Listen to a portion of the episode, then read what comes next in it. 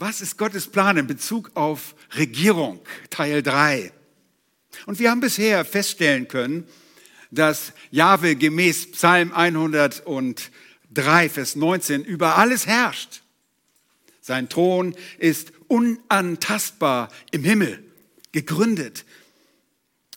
Und zu dieser Herrschaft gehört die Regierung über das Gemeinwesen als aktiv wirkender Gott, nimmt Jahwe Einfluss auf die Herrscher und Regierung dieser Welt. Und er setzt zunächst Kraft seiner Vorsehung menschliche Regierungen ein. Das zeigt uns nochmals Römer 13, Vers 1. Jedermann ordne sich den Obrigkeiten unter, die über ihn gesetzt sind. Denn es gibt keine Obrigkeit, die nicht von Gott wäre. Die bestehenden Obrigkeiten aber sind von Gott eingesetzt.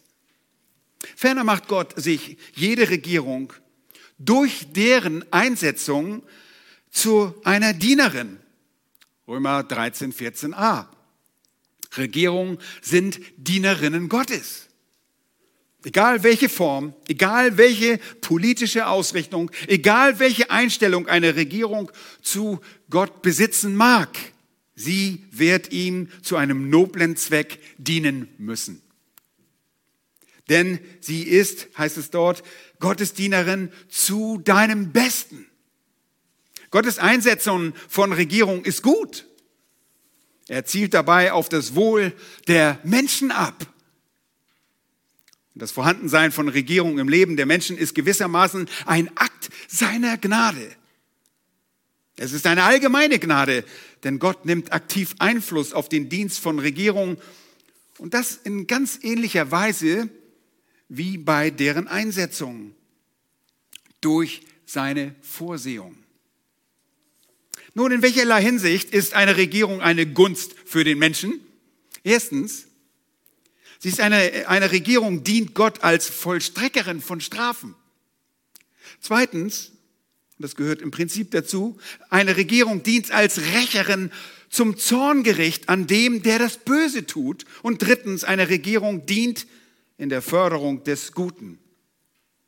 Nun, auch wenn Punkt 1 und 2 zusammengehören, ich differenziere nach Gewichtigkeit und beginne so mit dem ersten Punkt. Eine Regierung dient Gott als Vollstreckerin von Strafen.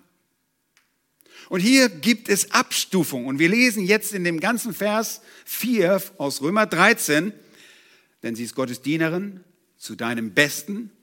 Tust du aber Böses, so fürchte dich denn sie trägt das Schwert nicht umsonst. Gottes Dienerin ist sie, eine Rächerin zum Zorngericht an dem, der Böses tut. Petrus unterstreicht genau diese Worte. In 1. Petrus 2, 13 und 14 sagt er, ordnet euch deshalb aller menschlichen Ordnung unter, um des Herrn willen, es sei dem König als dem Oberhaupt oder den Statthaltern als seinen Gesandten zur Bestrafung der Übeltäter und zum Lob derer, die Gutes tun. Nun, was bedeutet das für den Menschen?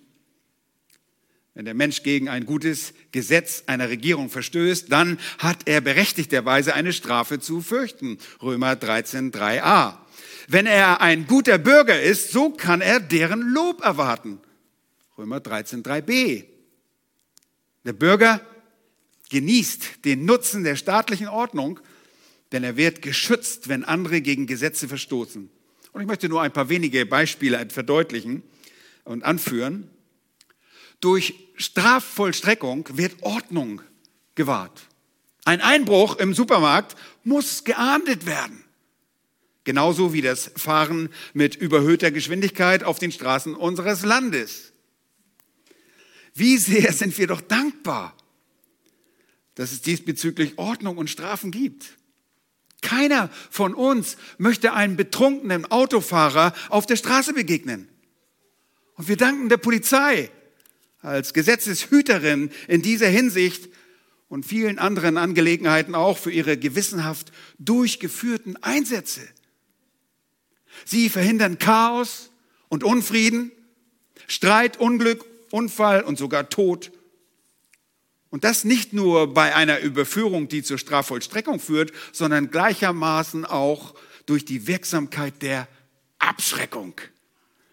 Der Bürger wird sich in der Regel hüten, ein Gesetz zu brechen, wenn er weiß, dass er zur Kasse gebeten wird und das umso mehr schmerzt. Nun spricht der Römertext aber von Schwert und Zorngericht. Und mir ist auch bewusst, dass ihr möglicherweise ein Wenn und Aber im Hinterkopf habt. Nun, auf die Einwände gehe ich später im Laufe der Serie ein. Ich habe es auf dem Radar und versuche euch möglichst ein vollständiges Bild zu geben, was Gottes Plan in Bezug auf Regierung ist. Beim nächsten Mal sehen wir uns an, wie eine Regierung ein, als Rächerin zum Zorngericht dient, und zwar an dem und denen, die das ultimative Böse tun. Dankeschön.